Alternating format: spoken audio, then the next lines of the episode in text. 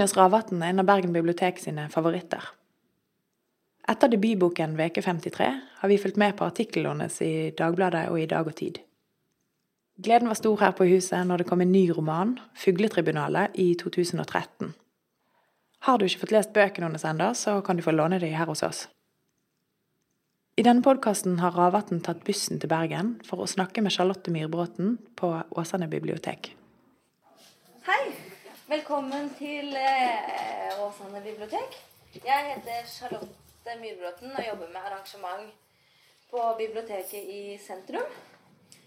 Og vi er superheldige som har fått eh, en gjest fra Valevåg.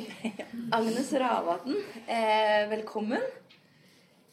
Du har jo bodd lenge i Oslo, men nå har du tatt med deg både mann og barn og flytta til nabogården til eh, Einar Økland. Eh, det skal vi komme mer tilbake til. Eh, for eh, ta en liten introduksjon. I 2007 kom romanen 'Veke 53'. Hun har vært aktiv og skrevet i fanziner, bl.a. dikt i hjemlån. Og også skrevet Det tenkte jeg på det er gratis for tidsskriftet Fett mens jeg jobba der. Og det tenkte jeg var litt utrolig. Ja, du, skrev så gode, lange tekster, ikke for en krone. Eh, de kan du hente fram igjen. Det gjør ikke nå lenger. Nei, det var det jeg tenkte på. Slutt på det nå. I 2009 kom reportasjeserien eh, Stillstand. Der eh, Agnes opp, eh, oppsøkte steder hvor lite eller ingenting skjer. Eh, I Folkelesnad så tok hun for seg hva som skjer i ukebladenes verden. Og så skrev du en liten bok i anledning stemmerettsjubileet som jeg likte veldig godt, som heter 'Ikke'. Eh, og så Hva er det heter? Det er vel 'Aktuell', mener jeg. Med Fugletribunalet. Eh, og så har du også drevet med en del selvhjelpsartikler og også en selvhjelpsbok i Operasjon sjøldisiplin. Eh, dag og tid. Eh, kan, den jobben kan flyttes eh, rundt eh, overalt. Ja. Og det er jo akkurat der eh, Einar Økland kommer inn. For at der jobber du med en serie eh, hvor du skriver om hva som skjer i det kommunen har døpt Einar Øklands veg. Det var vel den offisielle introduksjonen. Takk. du er ansatt. Takk. um, kan ikke du begynne å fortelle med akkurat sånn hvor du, ja, nettopp hvor du befinner deg sånn geografisk, og hvorfor ja. du har eh, reist fra um, Pottit-Oslo? ja. Um, det er litt Ja, det praktiske først. Det ligger ca. to timer og 20 minutter med kystbussen fra Bergen. Og Kystbussen har noen fantastiske barneseter. Eh, som dere kanskje har sett. Som, det er fantastisk på ryggen? Reise med. Ja, de, de, sitter på ryggen til mannen for, og dame, kvinnen foran. Um, det, altså, det er i Sveio kommune. I for, fortsatt så vidt Hordaland fylke. Men jeg har en følelse av at det kanskje vil eh, gå mot kommunesammenslåing i, i min disfavør, sånn at jeg nok en gang blir ufrivillig rogalending. For jeg kommer fra Ølen opprinnelig. Og eh, da jeg var 17-18, så skifta Ølen fylkesgrensa og kom, gikk fra Hordaland til Rogaland. Og det syns jeg var veldig eh, traumatiserende. Eh, både fordi det var min feil, men det er en veldig lang historie som jeg skal ta. Men, og fordi jeg alltid har identifisert meg med hordene, og ikke rygene, som det het i vikingtida. Så jeg eh, nå, nå, ser jeg at eh, historien antageligvis vil gjenta seg, og at jeg nok en gang blir rogalending. Samtidig så fikk jeg en gang et litteraturstipend av Rogaland fylkeskommune i 2008. sånn det er ikke udelt negativt eh, å være rogalending. Men det andre spørsmålet var hvorfor jeg har flytta der. Um, jeg, nå har jeg bodd i Oslo i åtte år. Og det har vært veldig greit, um, må jeg vel si, når jeg er i Bergen og istedenfor veldig fint.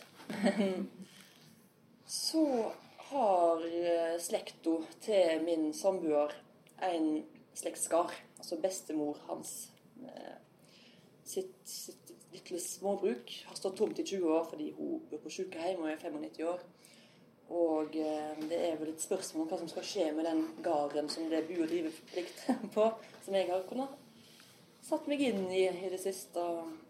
Um, som vi bestemte oss for å Det var sånn Å, det er jo så mange som, eh, som bruker foreldrepermisjon til å reise til eh, Thailand og Buenos Aires og eh, Dubai. Hvor skal vi reise?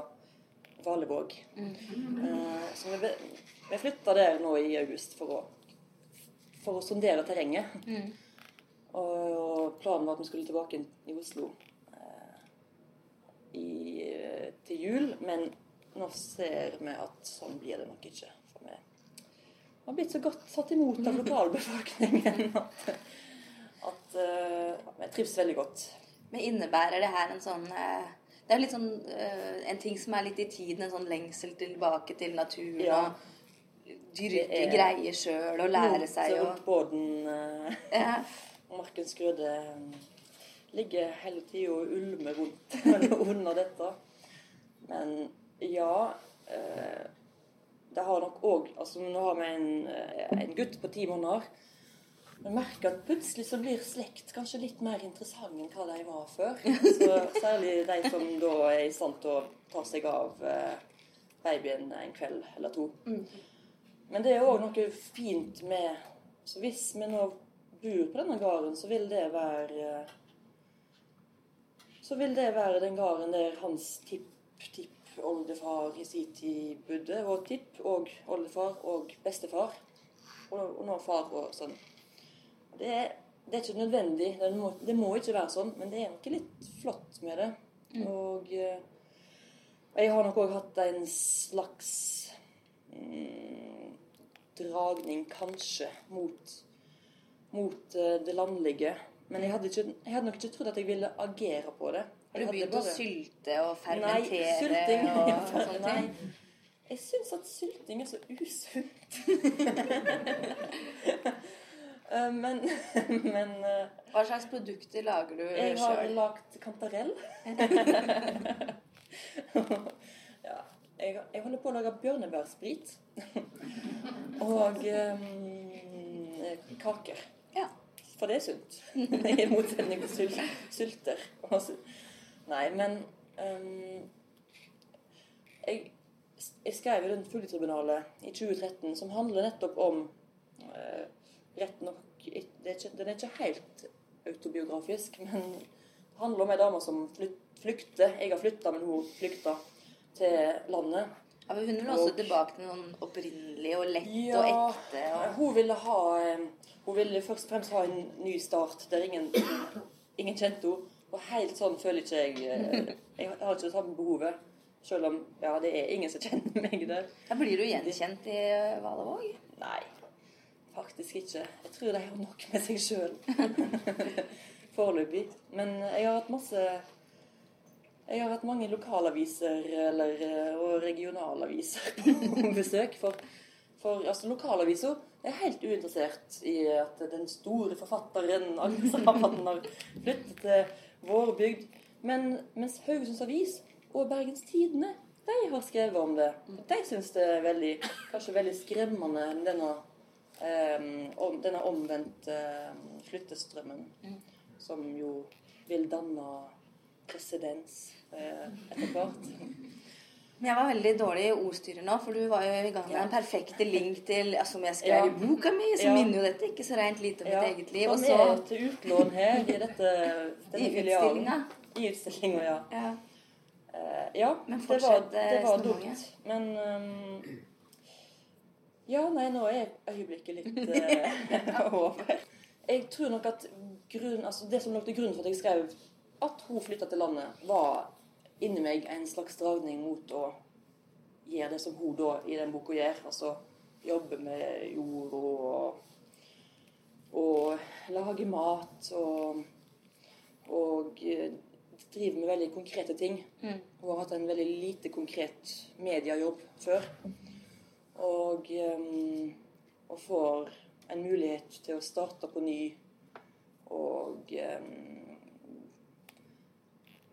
en mulighet til å bygge seg, seg sjøl opp på ny. Eh, som hun griper veldig begjærlig. Og eh, selv om hun har en konkret grunn til at hun absolutt vil komme seg vekk fra byen, eh, så er det likevel Så kjenner jeg igjen den et, Altså, jeg, jeg, tenkte nok aldri at det ville skje meg mens jeg skrev den boka. Altså, altså flytta til landet. På landet. Men um, det var overraskende Det har vært overraskende kjekt så langt. Um, for hele familien. Mm. Du har jo denne serien i eh, Dag og Tid, som handler jo om nettopp om eh, livet der du er nå. Og mye om Einar Røkland. Ja. Hva slags forhold leste jo eh, når dere reiser på bytur til eh, Haugesund for å, for å handle. Hva slags forhold har, uh, har dere to? Nei, det, det er shopping. Og, og, Ut med jentene. ja, det er tapas. Tapas på byen. Jeg er Einar. Nei, jeg har eh, vært opptatt av han eh, i mange år, egentlig. Mm. Og jeg har òg i flere år hatt lyst til å skrive om han. Ehm, jeg ble først kjent med han i Jeg tror vi møttes første gang i 2005-2006, kanskje. Ehm, men så ble jeg kjent med han i 2008 når jeg reiste hjem til han for å, å lage et portrettintervju med han, og der jeg bodde For jeg sov over hos deg. Og, og ehm, det var veldig kjekt. Og nå bor mine foreldre 50 minutter fra Valevåg. Sånn at de gangene jeg har vært på mine heimtrakter, så, så, har jeg stort sett prøvd å legge inn et besøk hos deg. Så vi har egentlig hatt et, uh, hatt et vennskap i uh, etter hvert en god del år. Og uh, det var, det var vel ikke 100 pga. Einar Røkland at jeg ble i lag med denne personen som hadde en slektskare.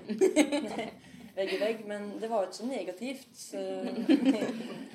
det hjalp veldig. Det sto, det sto, mellom to menn, og så valgte jeg han som hadde den gården. men, men um, han er en Han er en veldig ualminnelig person. Einar Økland også. Uh, han er veldig morsom, veldig kunnskapsrik, veldig overraskende på alle måter. Han er Jeg vet ikke om noen som er så mm, Jeg vet at han sjøl liker liksom å skryte av at han er så vanlig. Mm. Og det er jo så idiotisk, for han er veldig uvanlig. Um, så egentlig han vil nok, for å være grei med meg, si at vi har et vennskap, men det vennskapet dreier seg egentlig bare om at jeg sitter og er helt stille mens han sitter og babler, babler, babler. Forteller og snakker. Og, og, det er vel, han er utømmelig, mm. og det er veldig kjekt. Uh, og Nei, det Kan du liksom ta med deg din hjemmelaga sprit? bort dit og Nei, dessverre. Jeg kan det til de andre naboene våre, men ikke til han, for han har en så jeg har lest litt om naboene deres. Ja. Kjell Grutle i en slave. Ja, er du der borte med spriten? ja, han, han derimot kan, Det er han som har lært meg bjørnebærspriten. Oh, ja. Det er faktisk hans sprit. Mine bjørnebær, men, men hans sprit. Um, men um, Nei, Einar har en veldig, dessverre en veldig sånn eh, vel, fin gane. Han er veldig, en veldig god kokk mm. og har veldig fine vaner. Så vi var, vi var så flaue. En, gang, en kveld så inviterte vi dem på kveldsmat, han og kona. Etterpå bare Å, herregud. Det var, de takka nesten ikke for maten. For det syns Det var ganske De kunne jo Altså, det, det var jo en, dag ekstra med dårlig mat istedenfor mm. at de kunne spist hjemme hos seg sjøl og fått god mat. Men eh, nei, han er ikke så, han er ikke så streng, altså. Mm, men mm, Men han serverer alltid Han er spritdrikker. Mm. Så han serverer Slivovic, så sånn serbisk plommebrennevin som er 50% og veldig sterkt. Og, og det som er så, og så ødeleggende for det vennskapet, er at han, han eh, han tåler det så veldig godt. Jeg tåler det så veldig godt. Så jeg ligger og hører på og, og blir mer og mer sånn snakkesalig sjøl. Jeg holder på å skrive intervju, samtalebok med han nå. Eh, så jeg tar det opp på bånd og hører gjennom etterpå. Bare hører hvordan jeg sjøl blir mer og overtar mer og mer intervjuet og torpederer det. Så nå har jeg bestemt meg for å bare si at jeg er gravid neste gang, sånn at jeg ikke får det der eh, drikkepresset. Ja. Sånn at jeg blir så dum av det. Så kan jeg heller sitte og høre på, sånn som andre folk ville gjort. Um, jeg nevnte innledningsvis har du vært opptatt av sosiale medier og sjøldisiplin og det å koble av. Det er mange Om jeg har vært opptatt? Du har, jeg har vært opptatt. Ja. Um, og jeg føler at eh, Jeg vet ikke om det kom samtidig eller i kjølvannet av det du drev med, så er det jo veldig mange som liksom legger ut på Facebook 'Nå slutter jeg Ja. på Facebook. Ikke mas på meg. Jeg skal, Ja, ja. Ikke, skal ikke høre et ord eh, fra dere'. Mm. Um, var det Når du liksom reiste vekk fra Oslo ehm, Var det også en, en sånn ambisjon om å være et roligere sted og kunne skrive, eller være mer frakobla? Eller funker den roen der Den roen der er viktig? Det er Ja For meg er ro veldig viktig, for jeg er, jeg er lettdist, en lettdistrahert person. Så jeg er nødt Jeg kan ikke ha telefonen eh, Jeg kan ikke ha telefonen min ved siden av meg på skrivebordet når jeg jobber, f.eks. For, eksempel, for eh, jeg blir så eh, distrahert av det. Men det som er bra, veldig bra med der vi bor nå, ikke internett der. Vi har bare mobil. Vi har, vi har Edge eh, på mobiltelefonene våre. Altså den, det gamle Nå som stort sett så har en 4G. 4, det står 4G sant, Ja. på telefonen. Det, det er raskt og bra. Vi har en E. Å ja, sånn, Så ja. ikke bra. Oh, det det, Så en, hvis jeg har lese nettavis, så er- skriver jeg inn db.no. Mm. Og så fem minutter etterpå så kommer liksom bildene opp. og så kommer nyhetene fem minutter etter der igjen. Så en kan ha sånn konkurranse der igjen. gjette hva nyheter er ut fra bildene. Men altså um, Ja, jeg eh, Det høres liksom Det høres mer og mer ekstremt ut. Først eh, trekker seg ut av sosiale medier eh, og, og liksom trapper ned alt det moderne, og så som naturlig forlenging flytter på landet uten internett. Men det vi bestilte internett den dagen vi flytta inn, og de sa ja, ja, det er rett rundt hjørnet, bare vent. Og så ja, kan dere si omtrent når Ja da, det, kommer, det er rett rundt hjørnet. Og det er jo nå fem måneder siden snart. Har ikke du begynt å skrive for hånd og litt sånne ting? Du Jo. har, du har blitt litt sånn retro-kongen. Ja. Um, men det er òg Det er uh, litt sånn mm, kronglete historie, men, men før, når jeg skrev Jeg har alltid skrevet Fra jeg var liten, så drømte jeg om å bli forfatter. Uh, så, så når jeg debuterte i 2007, så var jo det helt fantastisk. For da Min store drøm var gått i oppfyllelse. Men samme året så fikk jeg jobb i, som journalist. Eh, og fikk et kontor og en datamaskin. Og når jeg skrev før, så satt jeg alltid på kafé. Jeg satt i Bergen på ulike plasser og altså studerte. Gikk litt på forelesninger, gikk på kafé. Så er det Dag og. Tid-kontoret du Mm, kom på Så kom jeg på Dag og Tid-kontoret. Ja. Karrierekvinnen som fikk kontoret i Oslo. Og satt der, og plutselig så var seks år gått uten at jeg hadde skrevet noe mer. Hva hadde jeg gjort? Jeg hadde vært på internett. og sjekka e-post. eh, Og, og jeg tenkte Men eh, Og jeg hadde hele tida en ambisjon om å Altså fra jeg debuterte, så det jeg syns at jeg sjøl dreiv med, var jo å jobbe med min andre bok. Men jeg skrev jo ingenting. Nei. Eh, og så kom jeg på at Hva var det egentlig var, hvorfor, hvorfor er det blitt så forferdelig å skrive, egentlig? For da, Jeg skrev jo i avis og mm, nådde liksom dørlinjen med nød og neppe, og trodde hele tida at jeg hadde skrivesperre. og og så, som, som er liksom litt flott å ha. Mm. Eh, for da eh, for Kan det komme en for da- forløsning? Ja. Mens det jeg egentlig drev med, var jo bare helt sånn normal somling og utsetting og eh, latskap. Så kom jeg på at før, i gamle dager, satt jeg jo og skrev for hånd. Og det var jo kjempefint. Satt og så ut vinduet, og så gikk jeg ut og kjøpte ei blokk og en penn, og så begynte jeg med det igjen. Og så kom den gamle, mm, gode følelsen tilbake.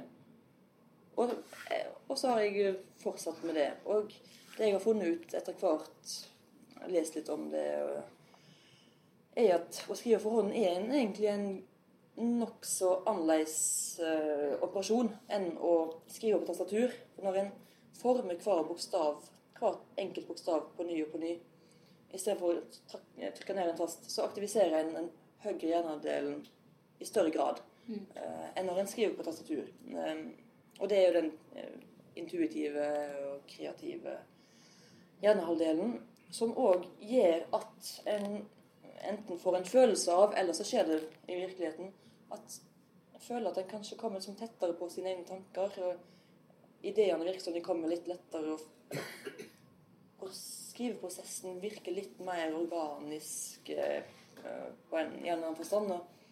Og, i tillegg det er veldig store pluss at en ikke kan En kan ikke sjekke e-post hver gang det stopper opp. Så for meg har det vært en redning. Og nå skriver jeg alt for hånd før jeg fører inn på datamaskin. Jeg har datamaskin.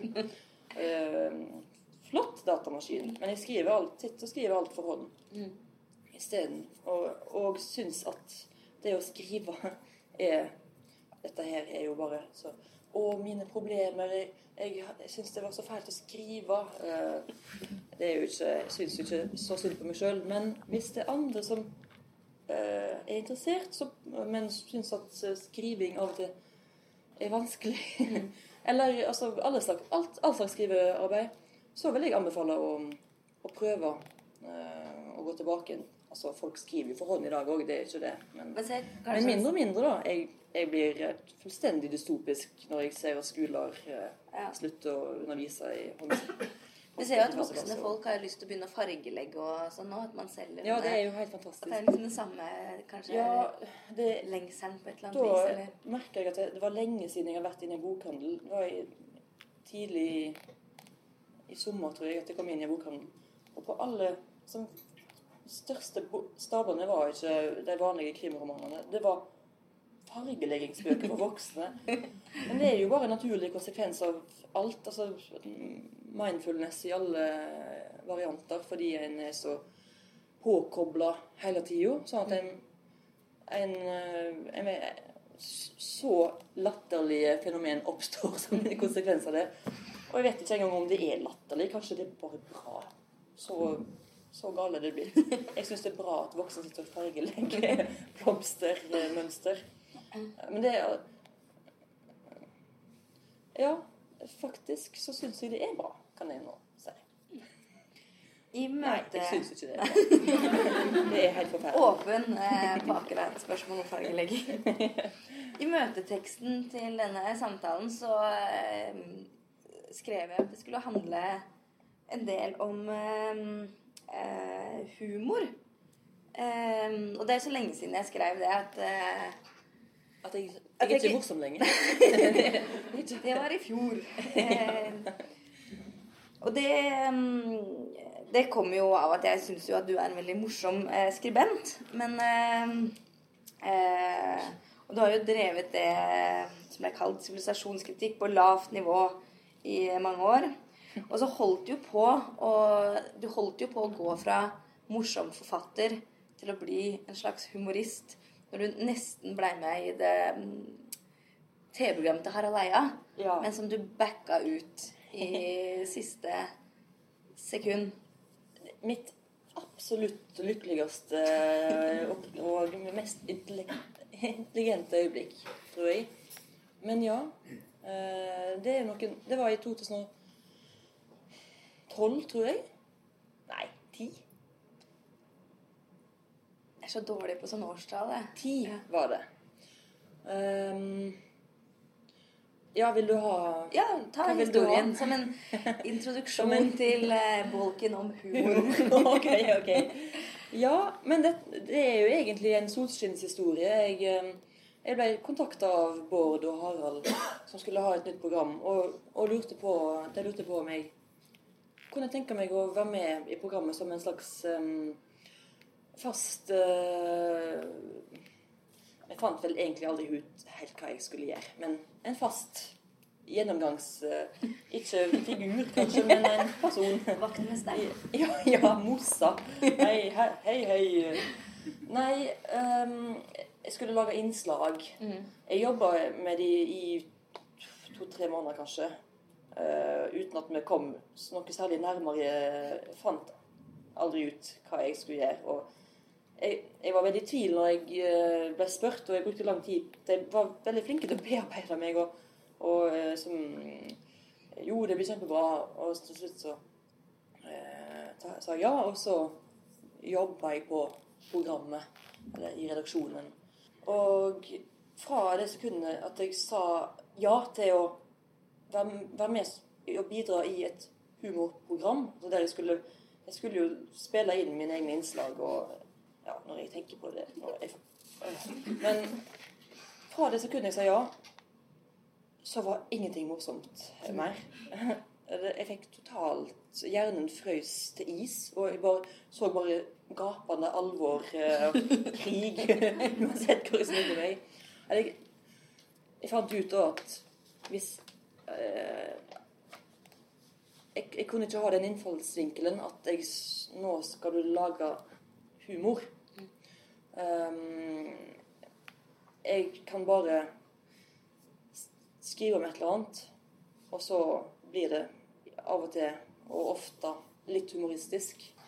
Så det blir feil rekkefølge, da. Ja, når du skriver, er liksom humoren bare Det er liksom ikke noe mål, men det er en konsekvens som bare dukker litt sånn tilfeldig opp? Eller tenker Ja. du at du vil at ting skal være, være morsomt? Både òg. Før ville jeg vært jålete og sagt eh, nei, det bare blir det av seg sjøl. Men når jeg har skrevet en tekst og ser her var det jo ingenting som var morsomt, så pleier jeg å putte inn litt. Mm. Eh, Så før så ville jeg sagt at nei, nei eh, For jeg får sånn Jeg får av og til sånn Ja, du bruker jo ofte humor som et virkemiddel.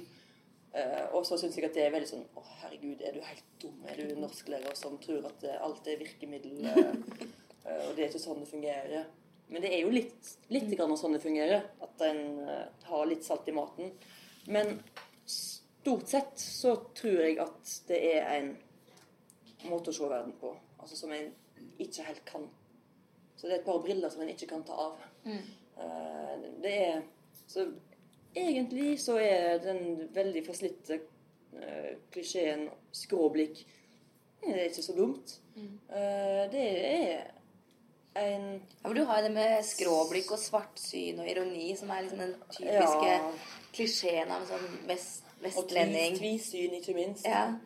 Ja, men det er jo egentlig det Det er å se ting på en litt annen måte enn en kanskje eh, som er den vanlige, eller gjengse. Eller at en Jeg tror for så vidt at Altså, hvis ingen Hvis ingen hadde I og med at noen syns det er morsomt, så betyr det jo at de har sett litt av det samme. Så det er vel bare mer at den som skriver, tar seg tid til å skrive ned det som andre bare registrerer, kanskje uten å tenke over det. Um, men, men det er som sagt så tror jeg mer at det er en en måte å se eh, omgivelsene sine på, eller å tolke dem på. Um, en legger kanskje merke til til um,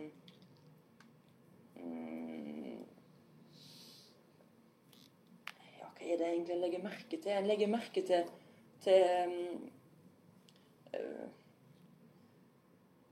Nei, hva er det egentlig en legger merke til? Det jo, handler vel ofte om å, om å uh, ta ned litt av det som, det som i omgivelsene prøver å være litt høytidelige, Mm. Eksempel. Eller det som er litt latterlig, uh, ufrivillig. Eller det uh, Men Nei, jeg det å prøve å dissekere humor er ikke en, vanligvis ikke en veldig vellykka øvelse. Mm, har jeg merka meg selv. Merker jeg nå. Men du Men- og, du og ja, Ragnar Hovland eller Finn Tokvam, det, eller den dyrkes jo Eller at dere blir sånne eksempler på liksom det Ja. typiske vestlandslune som noe sånn egne vi snakka med med skråblikk og sånn. Mm. Eksisterer eh, Eksisterer disse typene et annet sted enn i myten, eller er det sånn forskjell på Østland og Vestland, eller Nordland for den saks skyld? Ja, det er jo forskjeller. Eh, på samme måte som det er litt Altså, det er kulturforskjeller i et land. Eh, og dermed òg så har en litt annerledes humor. Eh, men det er jo eh, En vil jo òg si at sånn som eh, Knut Nærum vil kanskje være Han vil passe mer inn i det vestnorske Nei, ja, nei, det vet jeg for så vidt ikke om jeg Han har den der munnviken den. Ja, det er den tongue in cheek-humoren som er kanskje litt Altså veldig eh, At han underspiller, at han sier noe som er morsomt. Og deadpan heter det. Jeg kan visst bare engelsk, jeg. Men um, at en sier noe som er morsomt uten å foretrekke mine og uh, uh, Det tror jeg er, nokså vestnorsk. Um, men jeg har jo lurt på om det ikke egentlig er òg litt sånn at en forsterker de kulturforskjellene ved at en, en forholder seg til hverandre i den kulturen. Altså en, eh, Finn Tokvam, hvem har, hvem har han lest? Ragnar Hovland. Hvem har jeg lest? Ragnar Hovland. Hvem har alle disse som Hvem har Ari Kalvø lest? Altså, en har jo Det går jo òg litt på den måten. Jeg var eh, Han var utrolig viktig for meg i mine formative skriveår. Altså sånn i 15-16-årsalderen når jeg altså, Bøkene hans var omtrent det første jeg las av litteratur som jeg så handla om mitt liv.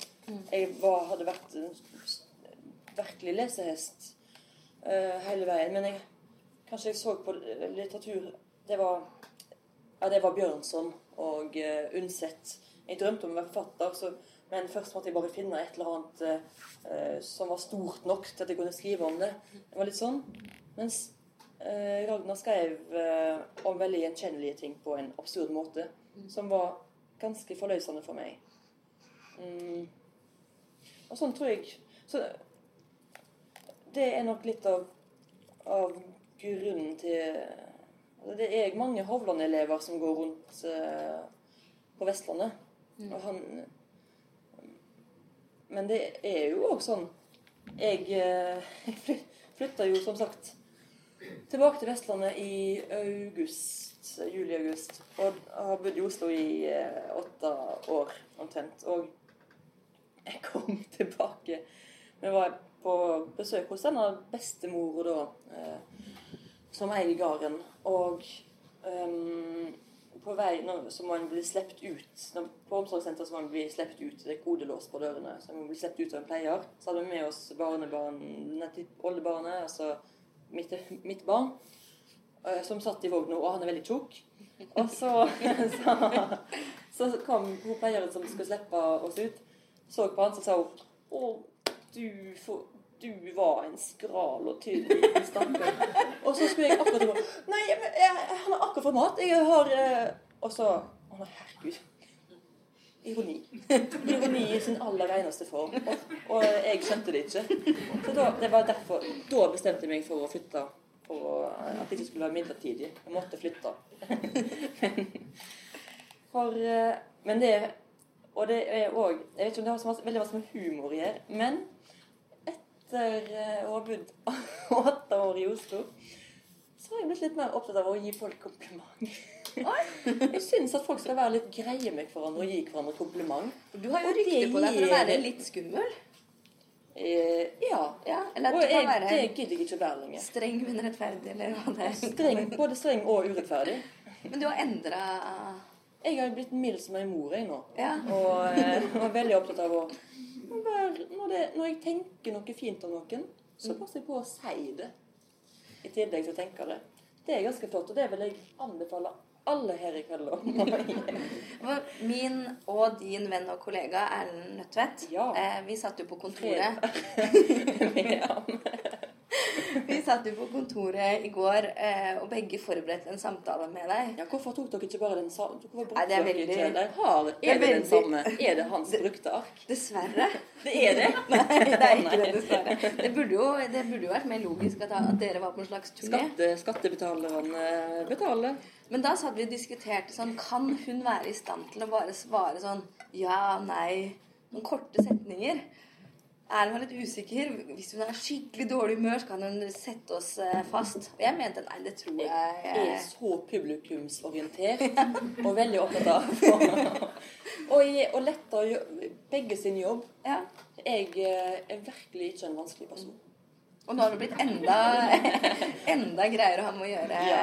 Etter livet på landet. Jeg har blitt voksen, jeg. Ja. Ja. Det var jo en debatt om både Og nå kommer kjønn endelig. Nå. kjønn. alt det andre først. Nå kommer kjønn. Ja. Litt om humor og kjønn. For det har jo vært diskusjoner eh, i komediemiljøet i Norge om eh, mannlig og kvinnelig fellesskap. Som kanskje sprang ut av en diskusjon om litterære fellesskap der kritiker og forfatter Susanne Christensen mente at hun følte seg litt eh, ekskludert. Eh, at det fantes et slags brorskap, et litterært brorskap. ja. Og så kom jo Harald Eia med at han heller vil ha ros fra eh, menn enn fra kvinner. Mm. Så har jo vi eh, Tidligere har vi eh, diskutert i tidsskriftet Fett dette med myten om at det ikke fins morsomme, morsomme jenter. Ja. Mm. Eh, Det er vel kanskje noe du også har støtt, eh, støtt på? Jeg får stadig eh, telefoner fra folk som Eller sånn avis Kulturjournalister som er sånn Ja, du er jo litt morsom til å være jente. Eh, kunne du tenke deg å svare på disse spørsmålene? Og da Nei, jeg er jo blitt så mild, så jeg legger ikke på. Men jeg legger mentalt på. Ja. Men eh, denne, eh, disse mannlige og eh, fellesskapene, er det liksom noe du kjenner igjen? Jeg Kjenner det veldig godt igjen. Uh, men jeg har eh,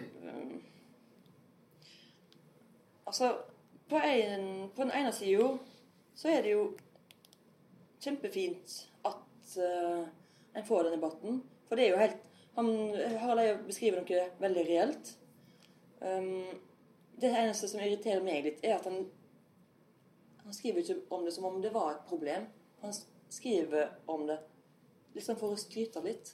Jeg er så opptatt av menn, og, og nei, så ukorrekt. eh, Samme, på samme måte som han tidligere som har skrytt av eh, at han altså, eh, alltid, alltid skal framheve at han scorer så dårlig på empati, f.eks. på personlighetstester, som tar sånne eh, negative egenskaper og skryter av for, fordi det egentlig er litt tøft.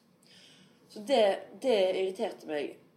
Det som er mest irriterende, er jo at han òg skriver helt rett ut at jeg skriver på vegne av alle menn. Ikke engang menn flest, men alle menn. Eh, jeg vet om mange unntak fra den regelen. Og eh, det er den typen eh, ytringer Han er jo så sosialt intelligent. Han vet han må jo være klar over at han skriver fra et veldig spesielt ståsted. Han er en mann som har på 50 snart, som uh, har jobba i manneredaksjoner hele livet. Han har kanskje aldri hatt en kvinnelig sjef. Samboeren min han har mange kvinnelige sjefer. Han syns at det var det største sprøytet. Altså, Det er jo ikke kjønnet som avgjør hvem han eh, syns er stas å få ros av. Det er jo kompetansen. Altså, det, det er roskompetansen, for å bruke Georg Johannessen sitt, eh, sitt uttrykk. Så det er Det som var så tydelig, var at uh, du skriver på vegne av en generasjon og en, et ståsted som er litt utdatert. Og det er jo så fantastisk. Det, det utkrystalliserer seg Det blir veldig tydelig at, at verden har gått videre. Men det, det som er irriterende òg, er jo at når en bruker den der alle menn-greiene, så så blir det, og han er jo fortsatt et forbilde for noen. Så blir det òg sånn at, at Å nei, så teit jeg er som ikke har tenkt på den måten, og ikke har tenkt at det var tøffest å få rosa menn, og, men nå får jeg begynne med det, da. En får jo litt den effekten òg. Men men uh, som sagt, han beskriver et fenomen som er veldig reelt, og, um, og jeg tror um, jeg, tror det er på vei til å uh, jevnes ut. Eller ikke tror, det er på vei til å jevnes ut. Så det er jo det uh, positive med det. Men da, så handler det òg veldig ma masse om miljø. Og ja, selvfølgelig er det sånn. Selvfølgelig virker det som om dette gjelder uh, for deg. En vet jo hvem du er med, Harald Eia. det vet vi jo godt. Så det, det var egentlig sam, samme greiene med, med Knausgård sin som famøse og litt sånn sleivete kommentar om at ja, ja, alle vet jo at det eneste en mann tenker på når han treffer ei dame, er eh, hvordan hun er å ligge med. Eh, han, som da Harald Eia igjen, som tok uh, veldig Ja, det stemmer. Nå skal jeg gå ut i offentligheten og skrive kronikk, eh, nok en kronikk om at dette, dette er ikke bare noe som ble sagt på morsomt. Dette er helt alvorlig, og dette må dere bare ta inn over dere, alle, alle menn og kvinner, at det er sånn tenker menn. Sånn Ja Gjør de det? Jeg er ikke helt uh, sikker på det. Og uh, det, de mennene som ikke føler seg trufne, trenger ikke være flau for, fordi de ikke går til å tenke på hvordan folk er å ligge med hele tida. Til stemmerettsjubileet så skrev den uh, lille eh, Det heter vel noe annet enn Lille boka? Ja, det heter den lille. Det heter vel uh, Ikke. Ja. Eh, som var var jo litt eh, Som var jo en serie som handla om likestilling. Hun feira at det var 100 år siden kvinner fikk stemmerett. Ja. Eh, og der viste hun liksom en litt sånn eh, For å tolke litt, da. Eh, viste litt ambivalens nettopp det der med kjønn eh, og feminisme, eller at eh, disse tinga som er ment for å fri Eller skal være frigjørende, også kan liksom bli en sånn tvangstrøye. Det å bli så kjønna eller komme inn noe feministisk eh, bås. Eh, at det var eh, Den var jo dritmorsom, men så lå det liksom et sånn et alvor, alvor der òg, eh, følte jeg. Ja. Kan du si noe mer om det? Ja um, Jeg las nettopp en i, for, I forlengelsen av denne debatten, denne her eh, homososialiserings eh, ros, eh, ros fra menn og kvinner-debatten, så, så skrev han en ene redaktøren i Minerva, Nils August Andresen, en tekst på Minerva om eh, sin aha-opplevelse av at det er noe som heter henta fra språkvitenskapen, da, som heter altså markert og umarkert. Jeg husker egentlig ikke helt hvordan det fungerer i språkvitenskapen. Er det noen som er lingvister her? Det er sånn vet du, jeg husker ikke. Uansett. eh, hvis en overfører det til kjønn, så er det sånn at mannen er det umarkerte kjønnet, altså det vanlige, upåfallende kjønnet, mens kvinnen er det markerte kjønnet. Sånn at når, når eh, Sånn at det kan f.eks. gi seg utslag i at jeg kan eh, i noen sammenhenger nærmest få en følelse av at jeg representerer alle kvinner eh, når jeg uttaler meg. Jeg representerer ikke meg sjøl, jeg er en representant for alle kvinner. Eh, Den kvinnelige forfatteren. Uh, ja. Jeg, eh, ja, den, kvinnelige forfatteren, eh, den uh, og, at den, og at den kanskje er eh, enig med alle kvinner. Uh, og en, altså en, er, en er ikke bare seg sjøl. En mann vil aldri blitt eh, oppringt eh, fra en debattredaksjon og sagt ja, hei, vi skal ha en veldig spennende debatt nå om, eh, om flyktningsituasjonen. og vi skulle gjerne hatt en mann i panelet. Eh, har du anledning på torsdag? Mens den typen forespørsler får jo ikke egentlig også ofte om flyktningkatastrofer, men om andre ting.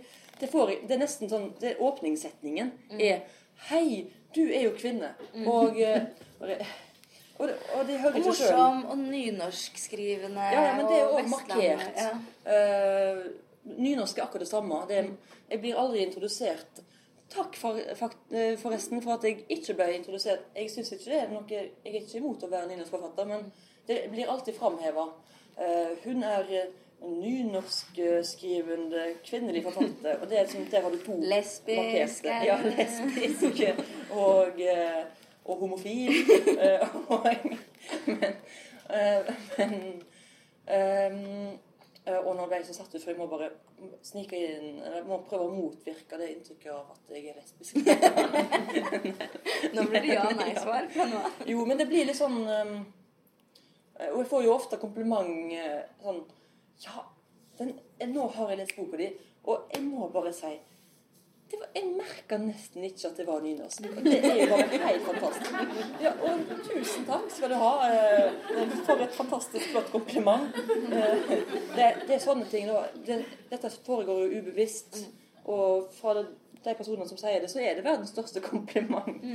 Men, men eh, så når du er kvinne, så representerer du noe.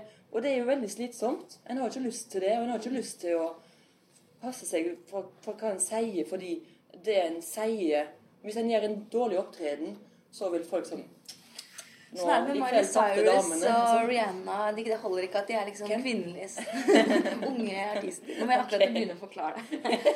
Men det holder ikke at de liksom er mestselgende superstjerner som også er damer. De skal også være forbilder for barn, og de kan ikke Ja, ja, ja, bruke litt dop eller gjøre det de vil, for de er også liksom på vegne av alle fremgangsrike eh, kvinner.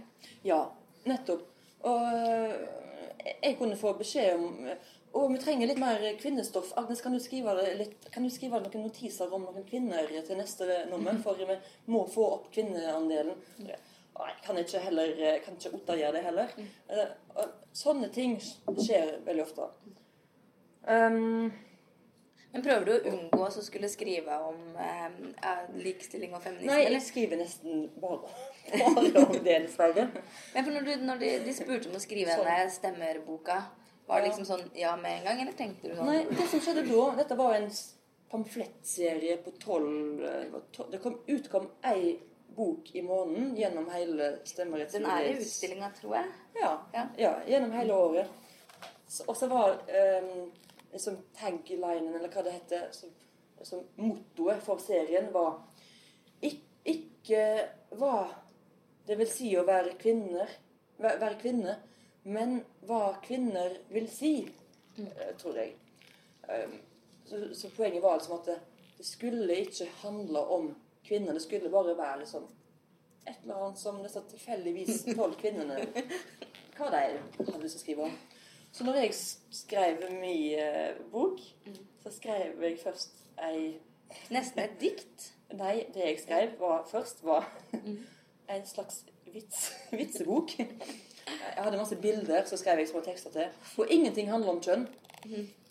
Eh, Det var egentlig bare hva, hva jeg som kvinne vil eller, Og ikke som en gang som kvinne, men bare som homo sapiens hadde lyst til å ytre meg om i, eh, i den eh, boka.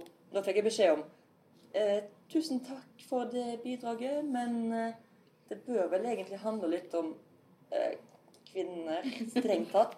Men det var jo det det akkurat ikke skulle handle om. Var det ikke det dere, var, er det ikke det som var greia? Uh, nei, bare på liksom. Ok.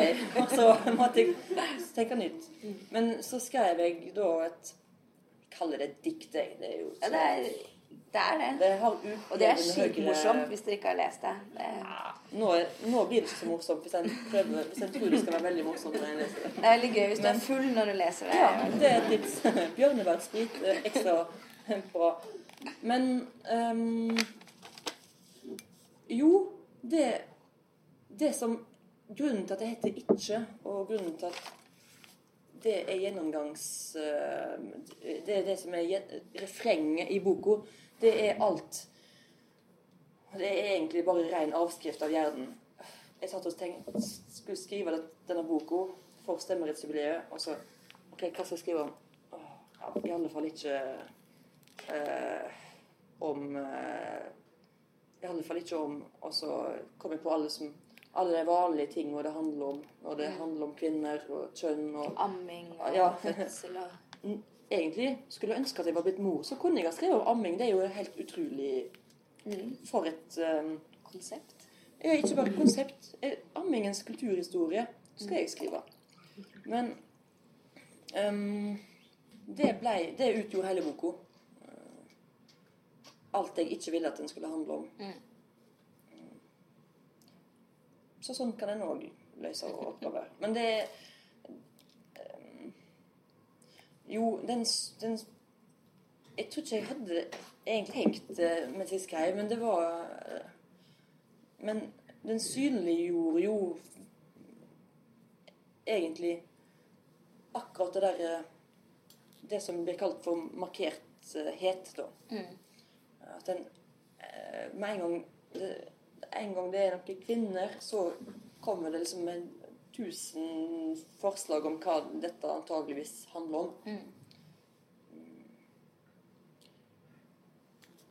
Dere, har dere noen eh, spørsmål? Innvendinger. Har dere noen spørsmål eller innspill eller eh, kommentarer? Så er det her tidspunktet å gjøre det på.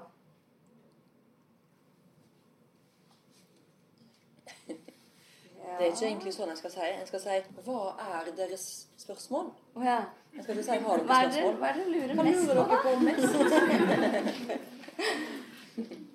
Kanskje det folk Eller Fugletribunalet, det er vel kanskje den aller største suksessen.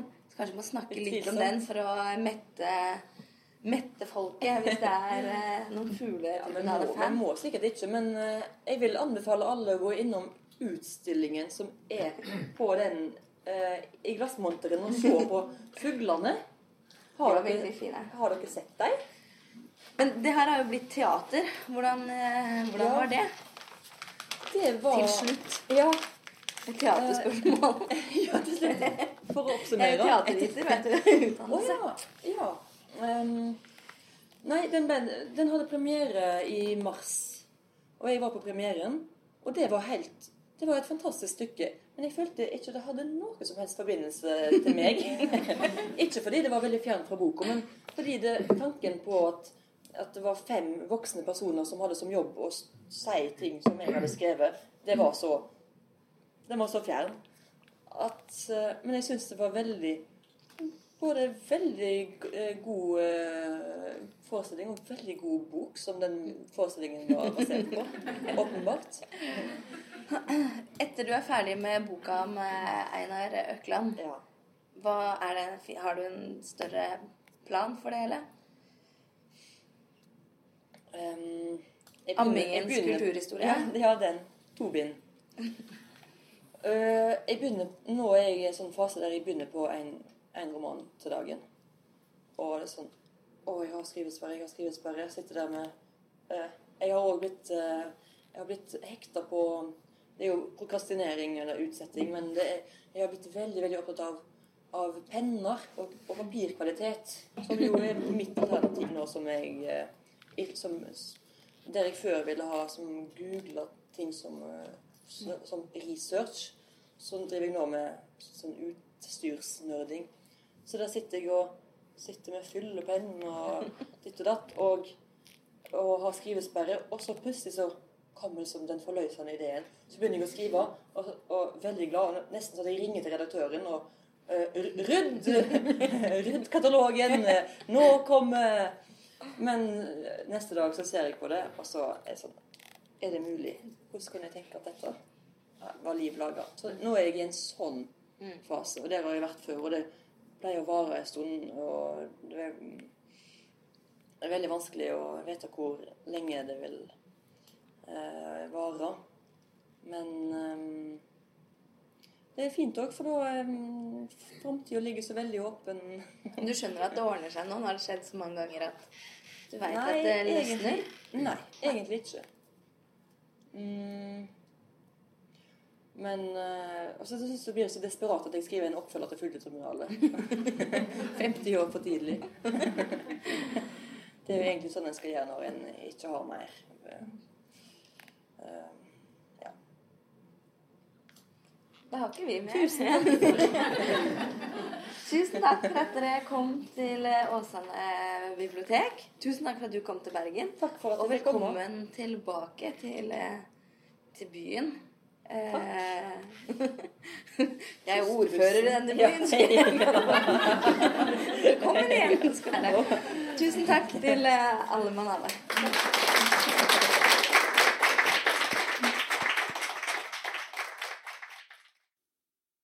Du har lyttet til en podkast fra Bergen offentlige bibliotek. Har du lyst til å følge med på utgivelsene våre, kan du søke Bobkast opp i iTunes eller i podkastappen din, og abonnere på oss der. Tidligere episoder av podkasten vår finner du også på bergenbibliotek.no.